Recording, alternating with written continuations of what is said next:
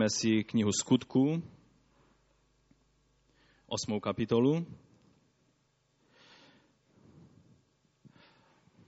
A pojďme ještě, skloňme své hlavy a budeme se ještě chvilinku modlit dřív, než přistoupíme k Božímu slovu. Pane Ježíši, já ti děkuji za dar tvého slova. Já ti děkuji za to, že tvé slovo je pravda. Já ti děkuji za to, že my jsme se mohli sejít a že máme možnost takhle v pokoji a v klidu poslouchat tvé slovo, aniž by nás kdokoliv pronásledoval.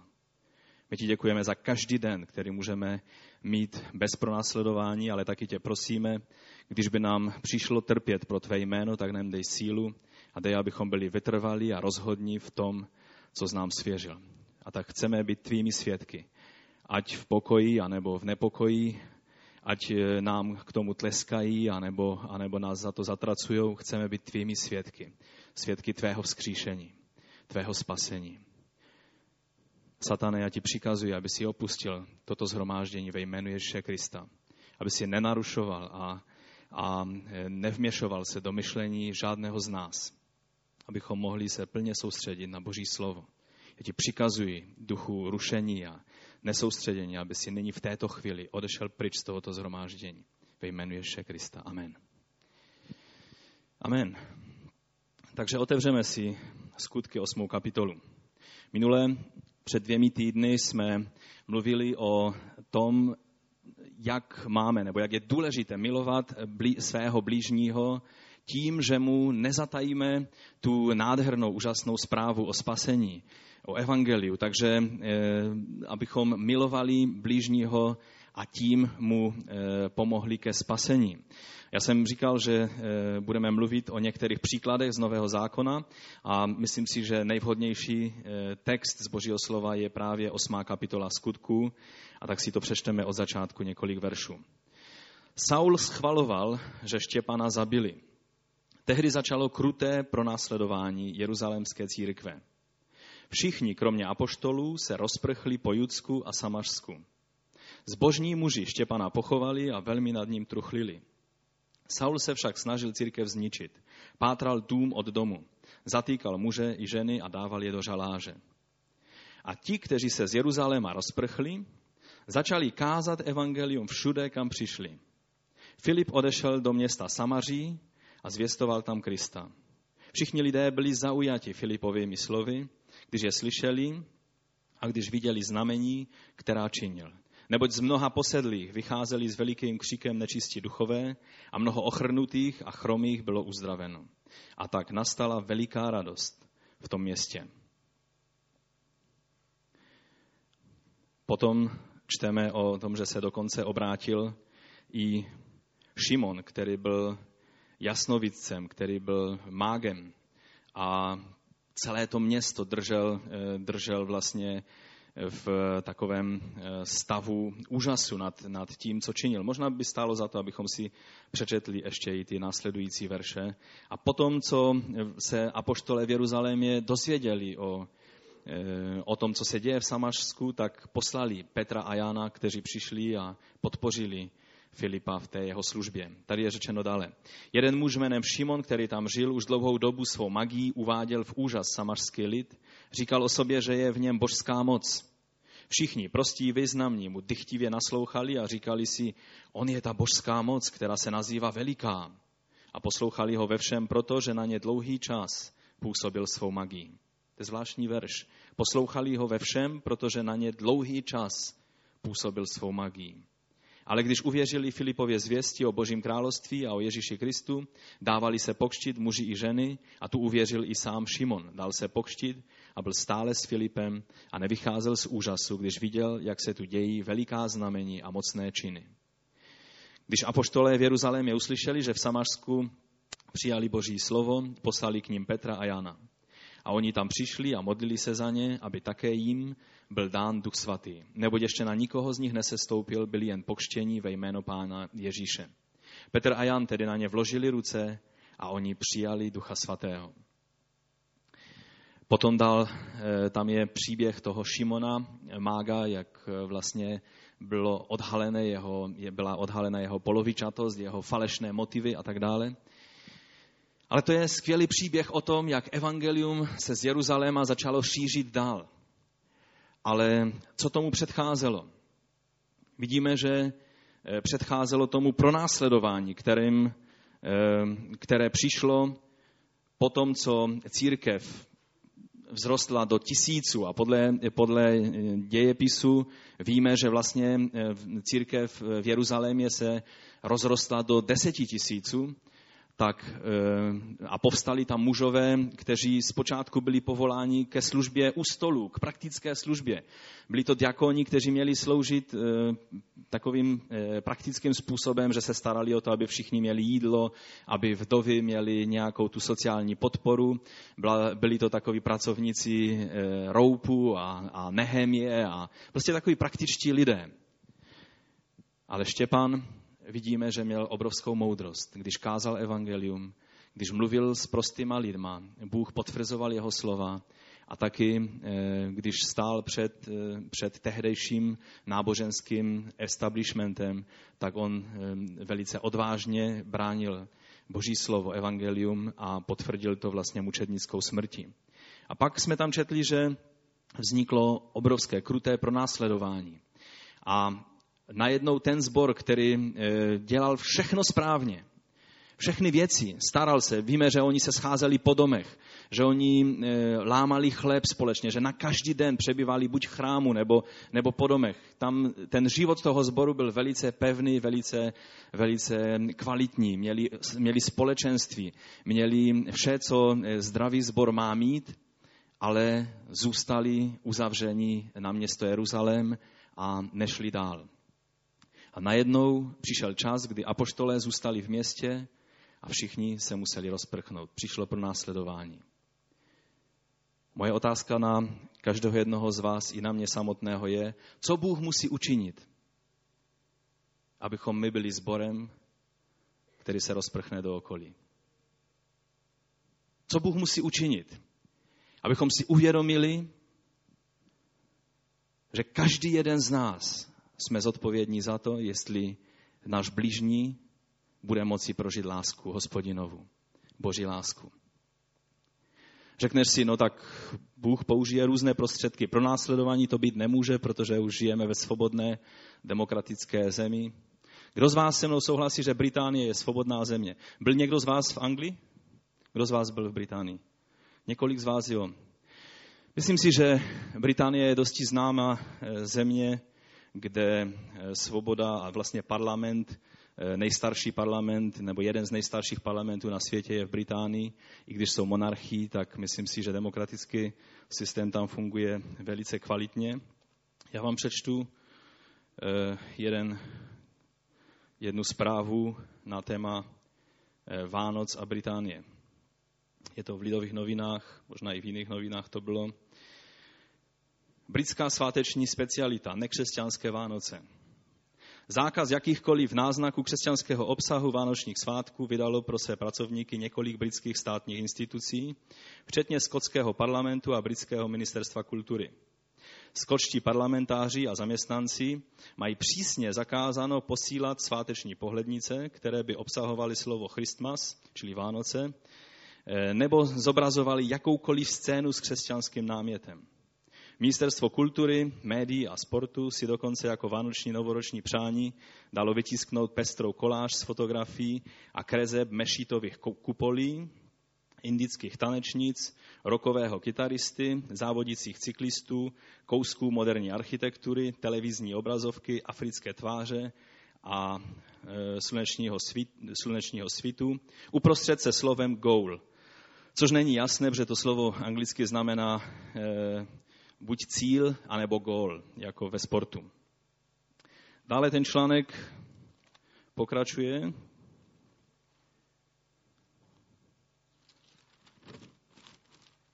Ještě kousíček vám přečtu.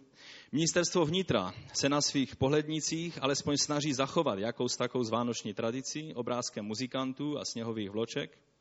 A ministerstvo obchodu si dokonce ještě trouflo dát na svou kartu obrázek ozdobeného stromku, ale bez zmínky Vánoc. Ministerstvo školství rozesílá kartu usměvavých dětí a kancelář místopředsedy vlády fotografii budovy admirality opět bez zmínky Vánoc. Vánoční a novoroční přání je nahrazeno slovy Seasons Greetings, což by se asi nejspíš přeložilo jako sváteční pozdravy. Červený kříž ve svých obchodech zakázal prodej svátečních pohlednic zobrazujících cokoliv křesťanského.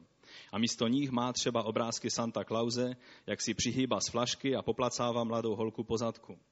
Kancelář hlavy anglikánské církve, arcibiskupa Kantenburského, rozesílá pohlednice z fotografií zasněženého biskupského paláce, rovněž bez sebe menších symbolů křesťanství.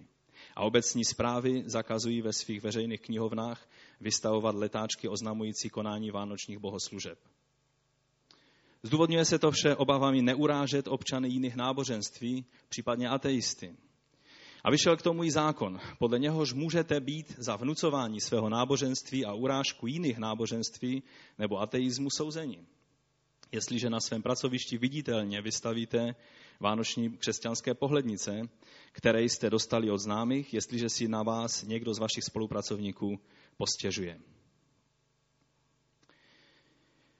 Pak tam je jenom takový dovětek, tam ještě jsou další věci. A poslední zbytky křesťanských Vánoc se v naší londýnské čtvrtí snaží zachránit islámští pekaři, islámští pekaři a kavárníci, kteří si do výloh dávají okázalé nápisy Merry Christmas a vystavují pestré vánoční dorty s marcipánovými jesličkami.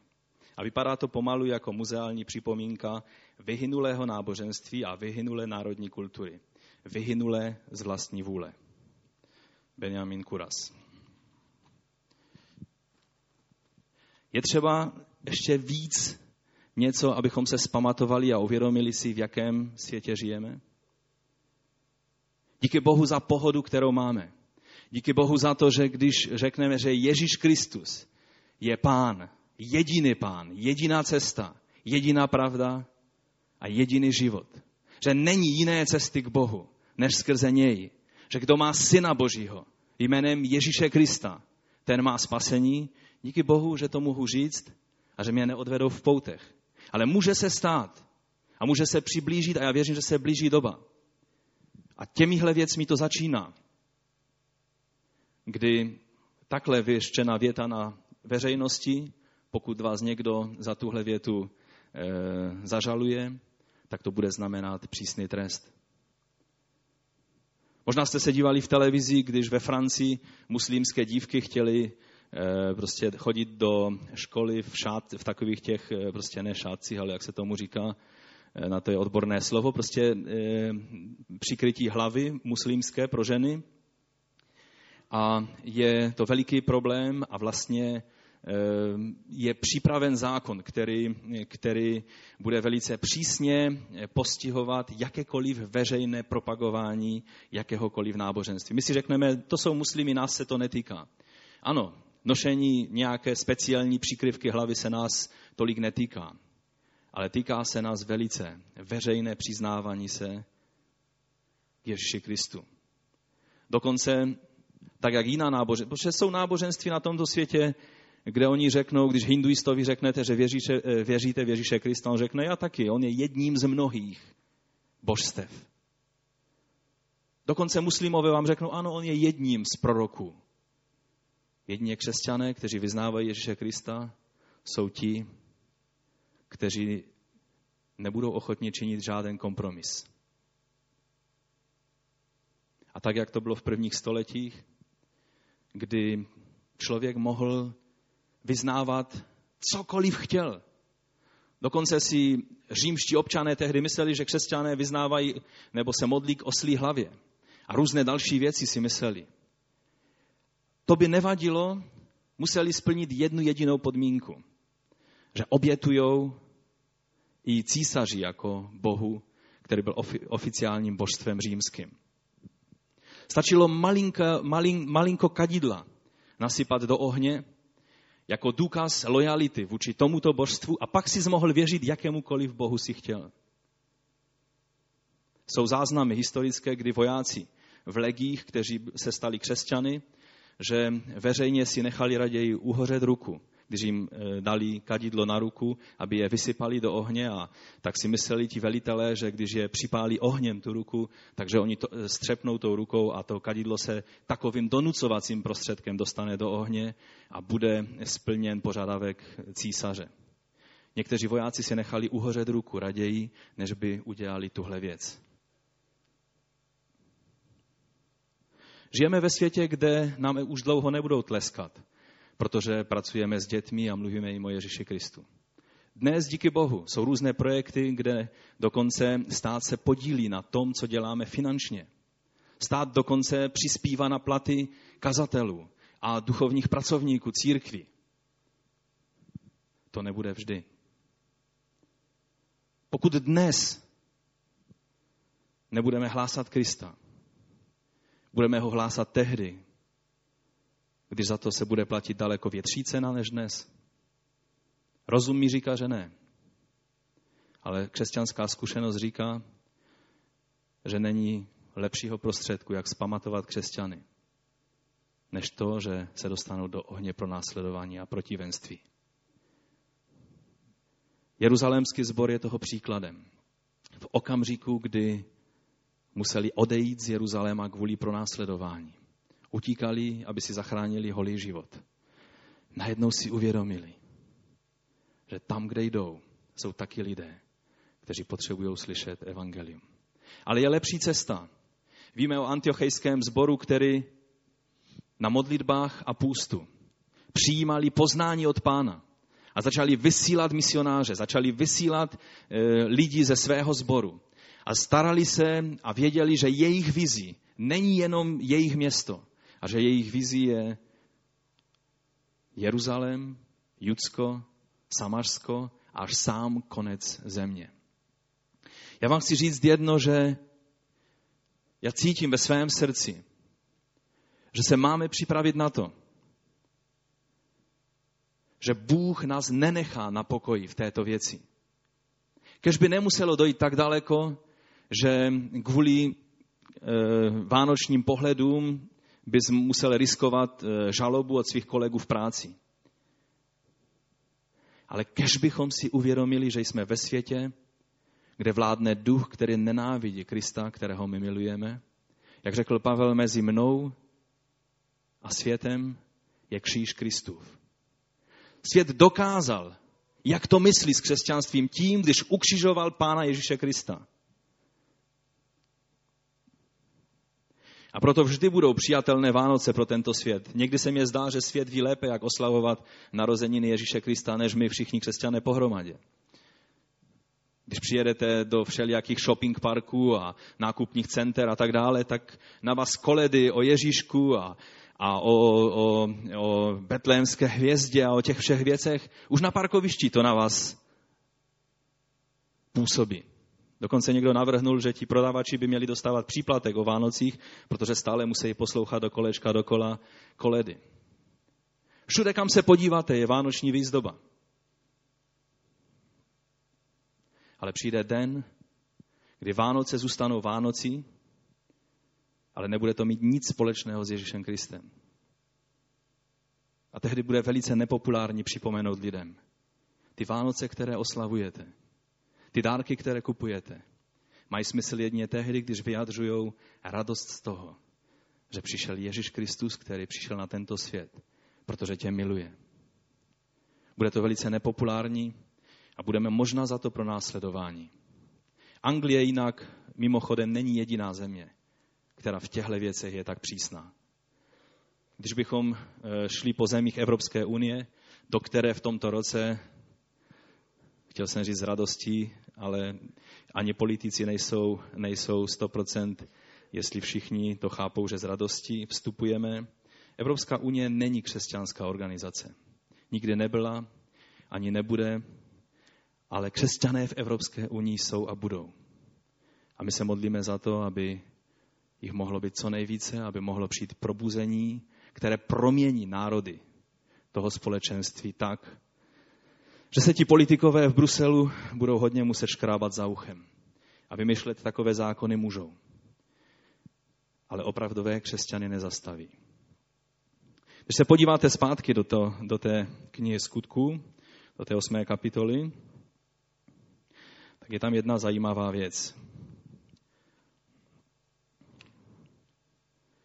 Tam je napsáno, že ti, kteří se z Jeruzaléma rozprchli, když někdo prchá, co to říká o jeho odvaze, o jeho pevnosti, odhodlání a tak dále. Když někdo je na útěku, co si řeknete o takovém člověku? V určitých situacích je to jediná věc, kterou můžeš udělat, je to moudrost. To byl jejich případ. Ale když byste hledali příklad odvahy, hledali byste ho mezi těmi, kteří utíkali z Jeruzaléma, nebo mezi třeba apoštoly, kteří tam zůstali. I když věděli, že jejich život, jejich dny můžou být spočítány. Prosím? Myslím, že když někdo prchá, tak tím neukazuje zrovna to, nej, tu největší odvahu. Mnozí lidé mezi těmi, kteří utíkali z Jeruzaléma, možná byli tak vyplašení, jako jsi ty a já. Z toho, když vidíš člověka, kterému je třeba říct evangelium a nevíš, z které strany k němu přistoupit. Možná to byli lidé, kteří skutečně nebyli nijak extrovertní typy. Možná byli tak introvertní, jako jsi ty a já. Možná byli nesmělí, možná, možná nevěděli, jak, jak přistoupit k nějaké nové situaci. Jít do nového světa, cizí lidé. Už jenom být mezi cizíma lidma, pro některé lidi je to dostatečné trauma, aby měli z toho depresi. Myslíte si, že ti lidé, ty tisíce lidí, kteří utíkali z Jeruzaléma, neměli stejné problémy, stejné pocity? To byli obyčejní lidé. To nebyli andělé, to byli obyčejní lidé kteří ztratili své domovy. Ti moudřejší je předtím prodali a peníze dali na boží dílo k nohám apoštolům. Ti hloupější nebo chamtiví, ti si je schovali a pak opustili ty domy a už je ne, že prodali pod cenou, ale prostě je opustili bez toho, aby je vůbec prodali. Ztratili je tak jako tak. Takže to byli obyčejní lidé s obyčejnými strachy, problémy. Jedno, co měli, bylo, že měli lásku ke Kristu ve svých srdcích. A tady je napsáno, že ti, kteří prchali z Jeruzaléma, že se rozprchli. Když se použije slovo rozprchnout, je to hodně organizované slovo, anebo spíš naznačuje, že je to takové dosti chaotické. Co myslíte? Dosti chaotické, že? Když bychom se my rozprchli tady z tohoto centra, tak když bychom řekli, že, nebo když by někdo řekl, nebyli byste na zhromáždění, někdo by řekl, všichni se rozprchli do všech stran, tak byste měli v očích takovou vízí toho, že z křesťanského centra lidé vyběhali každým všemi dveřmi a běželi všemi různými směry. Ne, že šli nějakým organizovaným průvodem. Je to tak? Ne, že se domluvili, vy půjdete vpravo, vy půjdete před sebe, vy půjdete vlevo a ti ostatní nás budou zajišťovat. Rozprchnout se znamená prostě jít pryč. Vypadalo to zdánlivě neorganizované.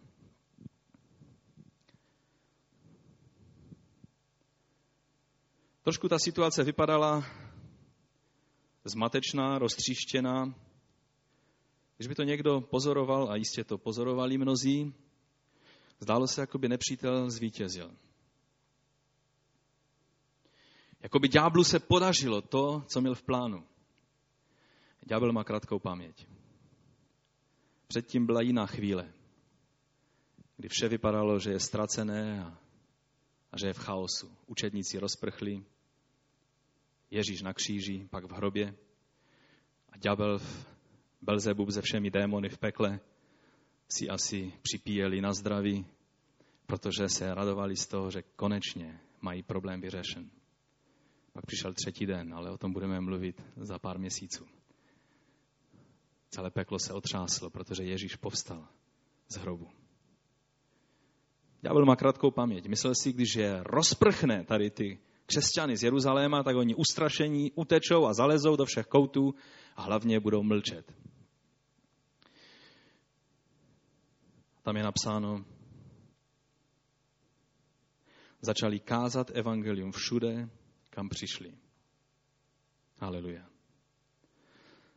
Začali kázat evangelium všude, kam přišli. Kdo apoštole? Ti rozprchlí lidé.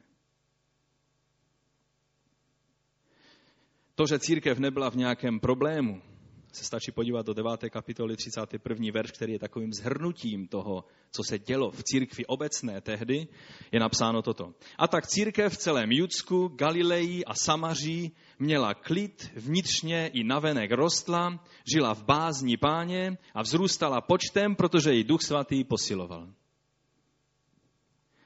Jedna ze zbraní je totiž matení nepřítele. A duch svatý je v tom veliký odborník. Když se církev zdá velice slabá, neorganizovaná, ustrašená, tehdy se může zdát, že je na tom nejlépe.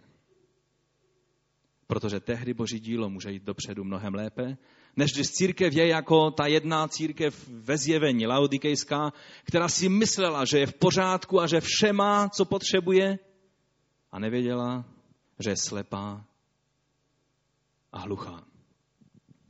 A tak jeruzalémská církev se rozprchla a ti prostí členové začali kázat evangelium. Nebo byli kazateli evangelia.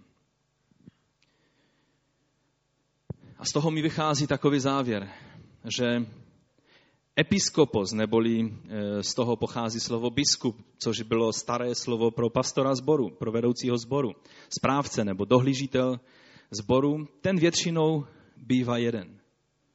Nebo historicky vždy byl jeden. Presbyterů, neboli starších, má mít každý zbor několik. Jsou to ti, kteří jsou duchovními pilíři a e, je dobré, když můžou být ve sboru zastoupeny různé služebnosti. Prorocká služebnost, apoštolská, učitelská, pastýřská, evangelista a tak dále. Ale otázka je, kolik kazatelů evangelia ve sboru má být. Podle tohoto verše, který jsme přečetli, kazatelů evangelia ve sboru je tolik, kolik je ve sboru členů.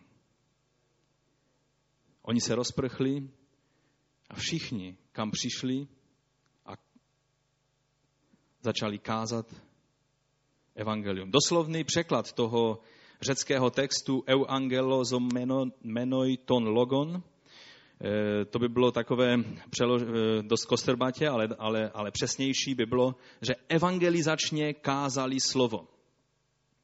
Evangelizačně kázali slovo. Čili, že kázali boží slovo, ale s ohledem na to, že jejich úkolem je tuhle zprávu říct jako dobrou zvěst. Že euangelion neznamená, angelion neznamená nic jiného, než dobrá zpráva, dobré poselství. Takže slovo Boží, kamkoliv přišli, hlásali s tím, že je hlásali jako dobrou zprávu pro každého člověka. A ti lidé jim mohli ale říct, oni nebyli v nejlepším rozpoložení.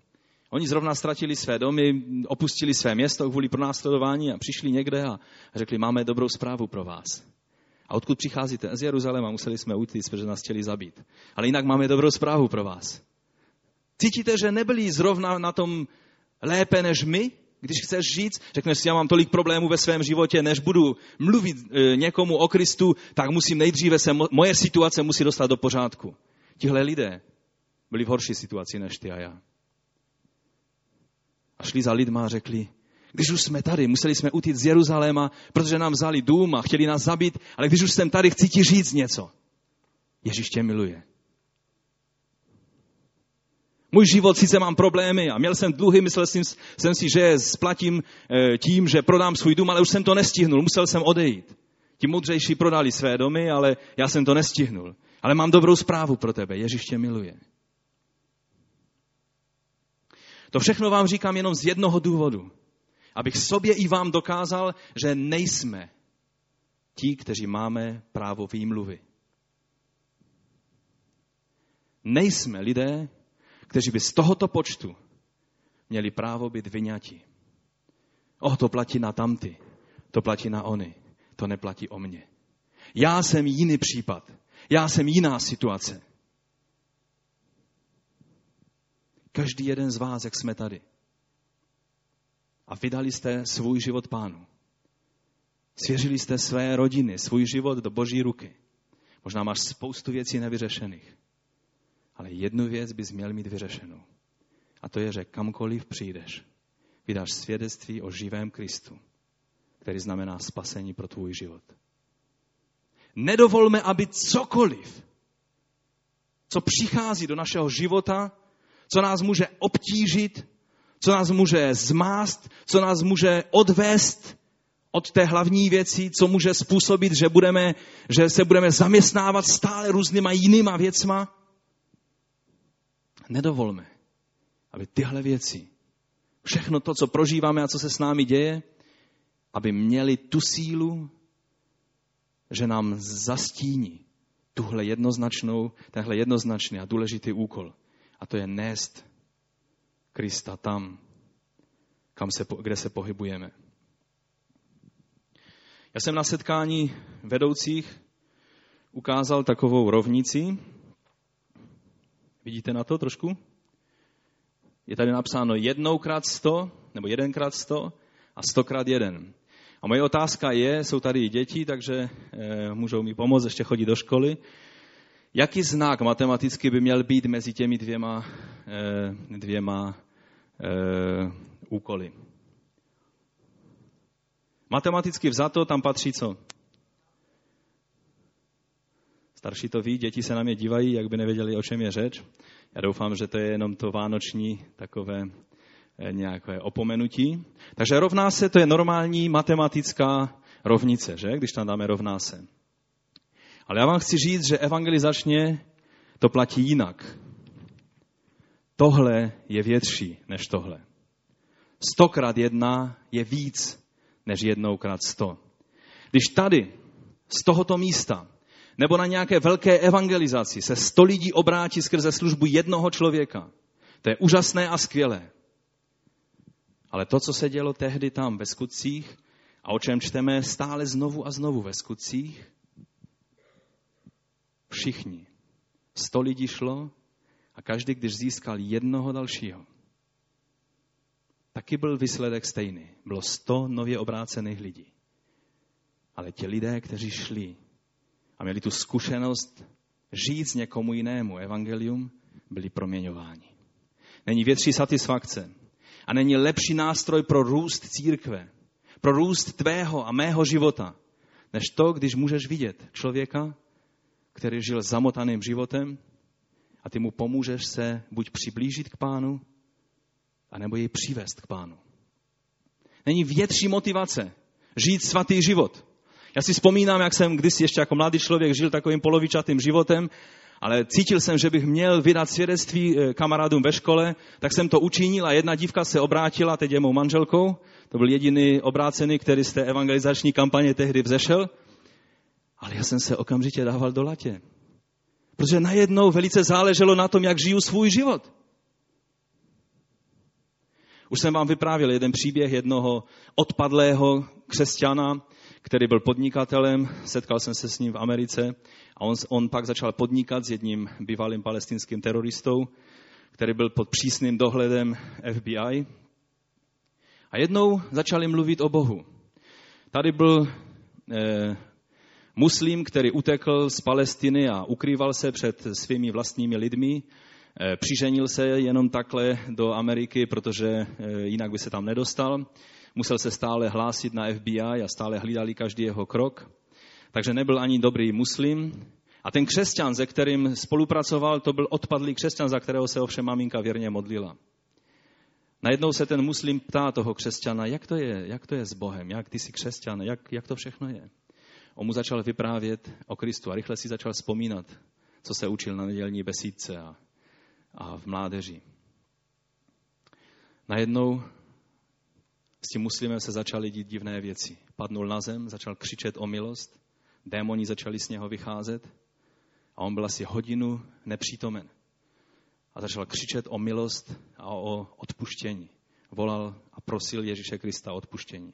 On byl, on byl ve stavu nepřítomnosti, on ani nevěděl, co se s ním děje.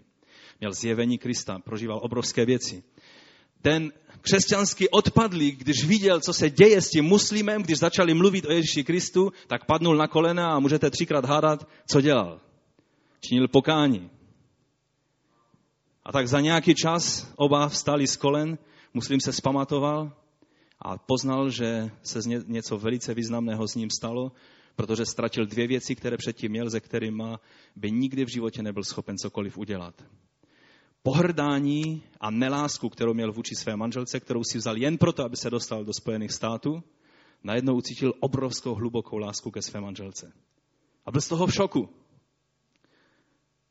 A druhá věc, řekl, nenávist, která u palestinců, on to popisoval, já jsem u něho bydlel dva dny a mluvili jsme celou dobu. I noc jsme přibrali a stále vyprávěl o tom všem, co prožil s pánem.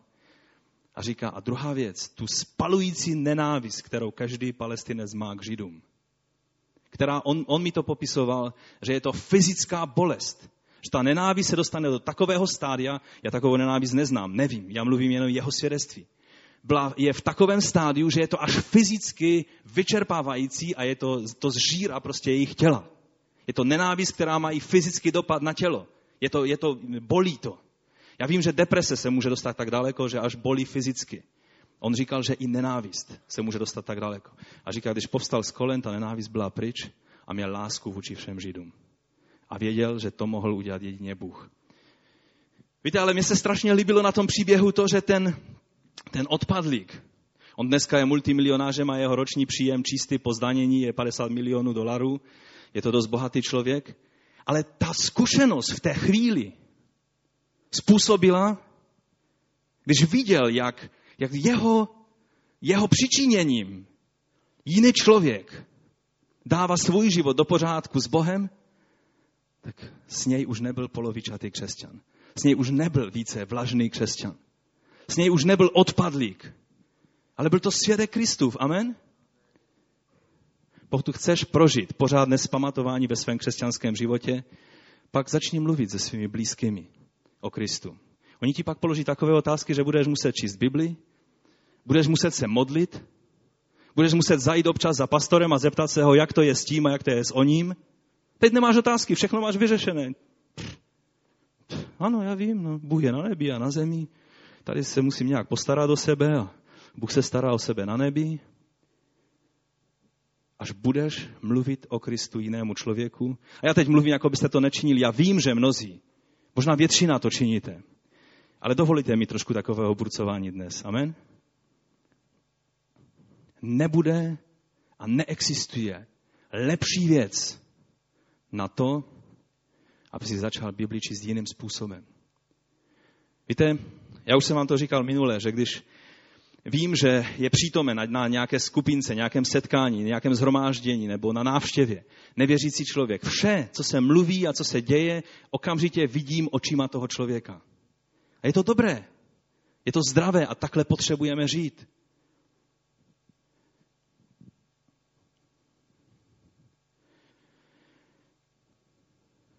Víte, v každé kultuře i když lidé jsou jiní v Argentině, lidé, lidé jsou jiní v Americe, lidé jsou jiní v České republice, hodně jiní.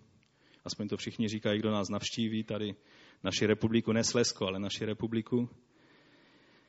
Tak jedna věc platí všude stejně. Že přátelé naslouchají přátelům. Amen? Když přijde za váma na ulici nějaký člověk a řekne, potřebuji ti něco říct, tak si řeknete, a já mám potřebu tě poslouchat? Nemám potřebu tě poslouchat. Cokoliv máš, ať je to vysavač, nebo já nevím, nějaká nová sekta, nebo prostě cokoliv, co máš, já nemám potřebu tě poslouchat.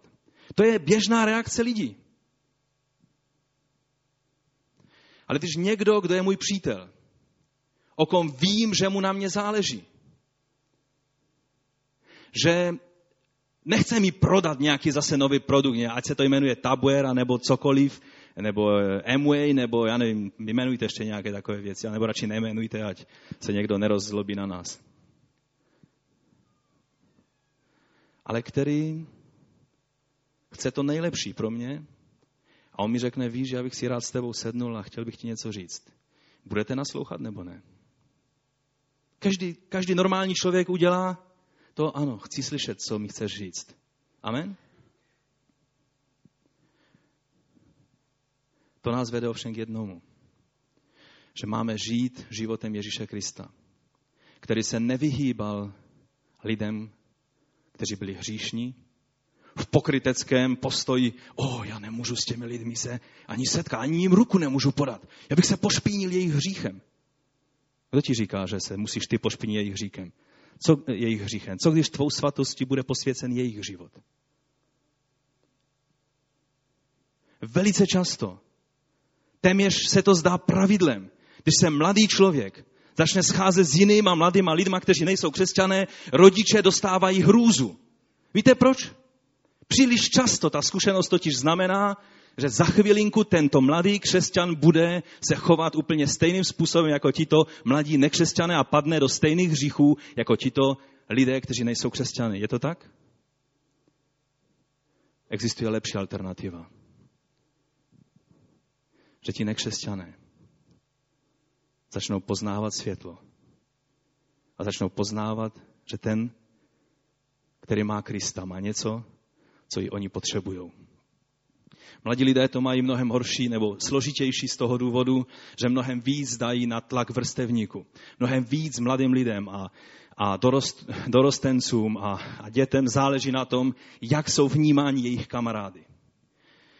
Ale myslím si, že Ježíš Kristus dává moudrost, vynalézavost a sílu, jak můžeme existovat mezi těmi, kteří jsou kolem nás a nemusíme se tvářit nějak sektářsky nabubřele a jenom vnucovat lidem to, co si myslíme, že musíme, ať už to je, ať už to mám za sebou, ať ti to teda všechno řeknu, ať ti to řeknu všechno na rovinu a, a pak si oddechnu, že jsem splnil úkol. Takhle to není. Tyhle způsoby nechme sektám. Lidé, kteří šli z Jeruzaléma, oni kázali. Kázali způsobem, o kterém mluvil, myslím, svatý František z Asizi. Řekl, že všude máme kázat evangelium a někdy k tomu použít slova.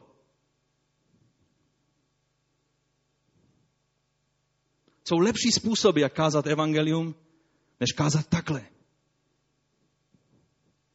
Když žijeme životem, ve kterém Kristus má své místo, a naši kamarádi a, a spolupracovníci můžou vidět, že se dostáváme do určitých životních situací a nyní je vidět, jestli slovo Boží je tím duchovním mečem, který skutečně použijeme v dané situaci, jestli řídíme své životy televizi Nova, anebo Božím slovem. Lidé to spozorujou. A já vám chci říct, že to je jediná výzva. Víc už nemám. To všechno už vám dále nemusím pokračovat říct. To je jediná věc, kterou jsem chtěl tady dnes říct. A neukazuju to na vás takhle. Já jsem první, který tohle slovo potřebuju slyšet. Protože byly dny v mém životě, kdy jsem měl mnohem více kontaktu s lidma, kteří nebyli křesťany a mohl jsem mít mnohem větší vliv na lidi s evangeliem, než mám dnes. Stále více jsem obklopen křesťany. Stále více je pro mě obtížné, abych dosáhl člověka, který nezná Boha a taky jsem v tom spohodlnil. To říkám já za sebe. Ty si řekni svůj problém. Ale tak to nemá být, bratři a sestry.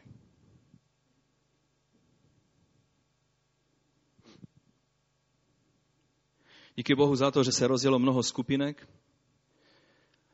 a jsou dobré a je dobré, když můžeme růst v poznání, i když biblická skupinka zrovna není ta nejpopulárnější, což mě dost udivuje, ale takový už je dnešní svět.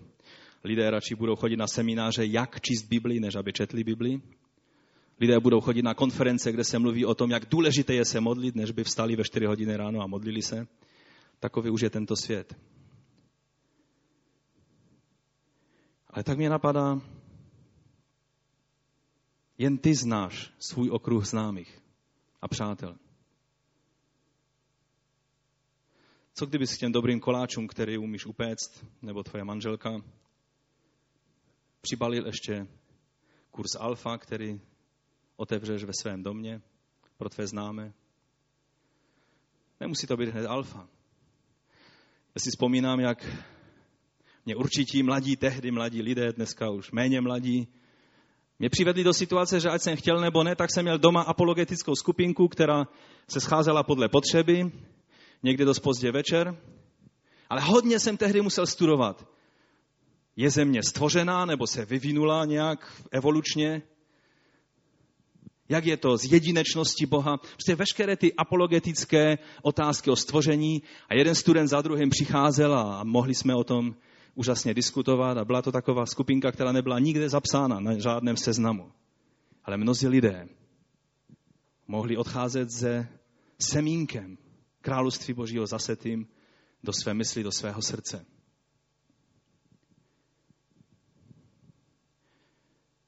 Když jsme měli seminář teď a bratr Roman vyučoval o správcovství, tak řekl o tom příkladu, o talentech, že každému bylo dáno něco. Nikdo tam v tom příkladu z Bible, jistě ho dobře známe. Není řečeno, že někoho z těch, kterým rozdával, pán rozdával, tomu dal pět, tomu dal dvě, tomu dal jednu. A k dalšímu člověku přišel a řekl, víš, eh, tebe tak nějak vynechám a zase budu dávat dál. Je tam taková osoba? Je na konci. Ale ne na začátku. A na konci to je osoba, která se dobrovolně rozhodla zmařit to, co Bůh do ní vložil. Každý z nás má alespoň jednu a to, to, to, mě, to mě zůstalo v uších dodnes. E, myslím si, že Roman to přesně řekl e, v tom vyučování, nebo, nebo jsem si to domyslel, to už teď nepamatuju, ale myslím si, že Roman řekl tu větu. Že každý z nás má alespoň jednu schopnost. Každý z nás má alespoň jednu hřivnu. Každý, kdo sedí tady na tomto místě a dýchá, to znamená, že je naživu, má, dan, má danou hřivnu, má dar, má schopnost, má možnost k tomu, aby Bohu mohla vzejít sláva a ostatní lidé mohli poznat Ježíše Krista. Každý jeden z nás. Někdo jich má pět,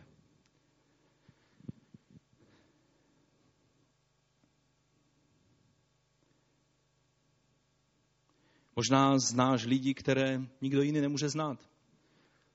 Já nevím, třeba jezdíš na běžkách a znáš okruh lidí, kteří rádi jezdí na běžkách. Jsou to tví známí z práce. Můžeš založit skupinku, ve které jediným křesťanem, který v té skupince bude, budeš ty. To důležité je, aby to nebylo cílem, ale jenom vychozí pozicí. Někdo z vás možná úžasně vaří a peče. Jsou lidé, kteří mají velice dobré nápady ohledně vaření a pečení. Přesvědčte se o tom v novém čísle života v centru. Možná víš o lidech, kteří se o tyhle věci zajímají. Evangelizační skupinka nemusí začínat tím, že, že se sejdou lidé a od začátku tam nějaký kazatel káže a pak zakončí modlitbou a výzvou. A pak se ještě všichni překřižují a odejdou domů. Někdy nejlepší evangelizace je, když děláš běžné věci se svými kamarády a oni tě můžou vidět, jak reaguješ na běžné životní situace. Když jdeš na hory, zlomíš si nohu, což kež by Bůh nedovolil, aby si zlomil nohu. Třeba to zmírněme, že zakopneš a spadneš a budeš mít bouli na čele. Když jsi plešatý jak já, tak boule je vidět dvojnásob. Kdo má vlasy tady, že, tak si to přikryje. Jak zareaguješ? Jak se chováš? Myslím si, že o těchto věcech, když tady byl Bill Pepper na konferenci, mluvil hodně, hodně, hodně. Myslím, že nebudu mluvit dál. Že zůstaneme u toho. Ti, kteří se z Jeruzaléma rozprchli, začali kázat evangelium všude, kam přišli. A Filip šel až do města Samaří. Město Samaří bylo město, kde podle Židů byli sami lidé, kteří si nezaslouží o Kristu vůbec slyšet. Podle židovských názorů to byli lidé, kteří byli tak domotaní nábožensky, tak domotaní rasově, protože to byli křiženci židů a všech možných jiných národností, že oni s, ním, s těmito lidmi pohrdali. Filip přišel do Samaří A pak ho mohl Bůh poslat ještě dál. Poslal ho, a o tom budeme někdy jindy možná mluvit, poslal ho k jednomu člověku. A pokud byl na světě člověk, který měl všechny minusy, co se týče oslovení s evangeliem, tak to byl ten eunuch, ke kterému byl Filip poslán. Byl to Černoch, prožídá člověk, chamita, kterým, jak, jak takovému člověku vůbec můžeme přinést evangelium. To bylo něco jako pro Čechy, Rómové a taky i opačně. Raději s tím člověkem nebudu mít nic společného. To, byl přirozen, to byla přirozená reakce Židů. Navíc to byl eunuch. Podle starého zákona takový člověk ani Bohu sloužit nemohl. Protože to byl vlastně mrzák. To byla další věc, kvůli čemu byl jakoby odsunut od toho okruhu zájmu, komu by skutečně židé chtěli nést evangelium. A Filip šel do Samaří, kde byli takoví ti lidé, kteří byli domotaní. Filip šel k tomu eunuchovi a kázal Krista. Ať to byli davy, ať to byl jednotlivec, všude, kam přišli, kázali evangelium Kristovo. Povstaňme k modlitbě. Před námi jsou svátky. Bude hodně dobrého jídla. Bude možná hodně dobrých rozhovorů. Budeme prožívat čas s rodinou i s přáteli. Dovolme, aby jedna otázka neodešla z našich srdcí v průběhu celých těchto Vánoc. Pokud tu otázku ve svém srdci ponecháme a budeme před Bohem hledat odpověď ne pro zbor, ale pro sebe jako jednotlivce. Každý jeden z nás.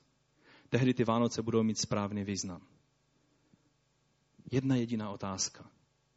Pane, jakým způsobem tyhle principy, o kterých jsme dnes mluvili, se můžou naplnit v mém životě.